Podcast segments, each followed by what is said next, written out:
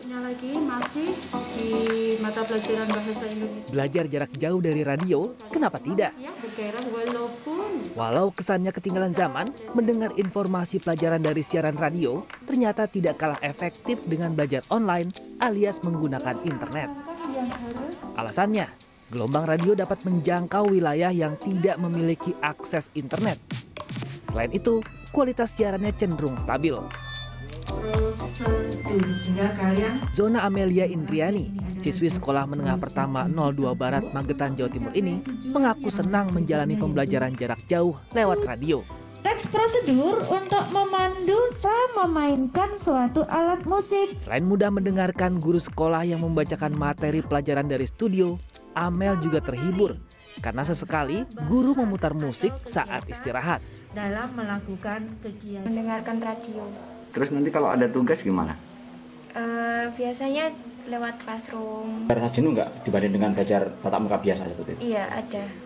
Karena nggak bisa berkumpul sama teman. Tiap pelajaran diselingin lagu gitu. Iya, Oh, dari sekolah sana gitu. iya. Jadi nggak ada kesulitan ya? Eh, ada. Kesulitannya apa? Waktu memahami pembelajaran.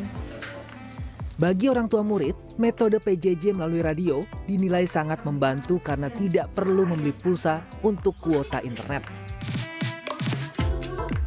Ya, sangat terbantu Pak. Terbantunya karena kuota, kuota kan belinya sama uang. Sama radio kan nggak beli kuota, akhirnya irit uang.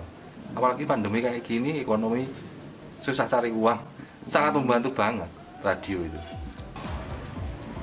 Sarmun, Kepala SMP Negeri 02 Barat menuturkan, belajar jarak jauh melalui radio sudah ia lakukan selama pandemi COVID-19 karena banyak siswa yang belum memiliki telepon pintar. Karena anak dulu kesulitan paket data, ya.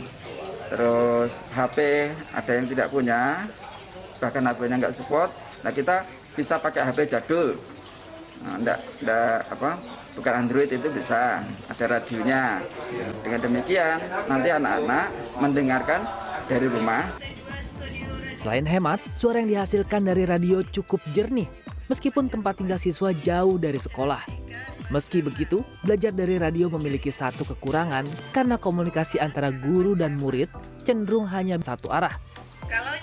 Sehingga siswa yang belum memahami pelajaran tidak bisa langsung bertanya atau meminta guru mengulang materi. Inam Tohari, Magetan, Jawa Timur.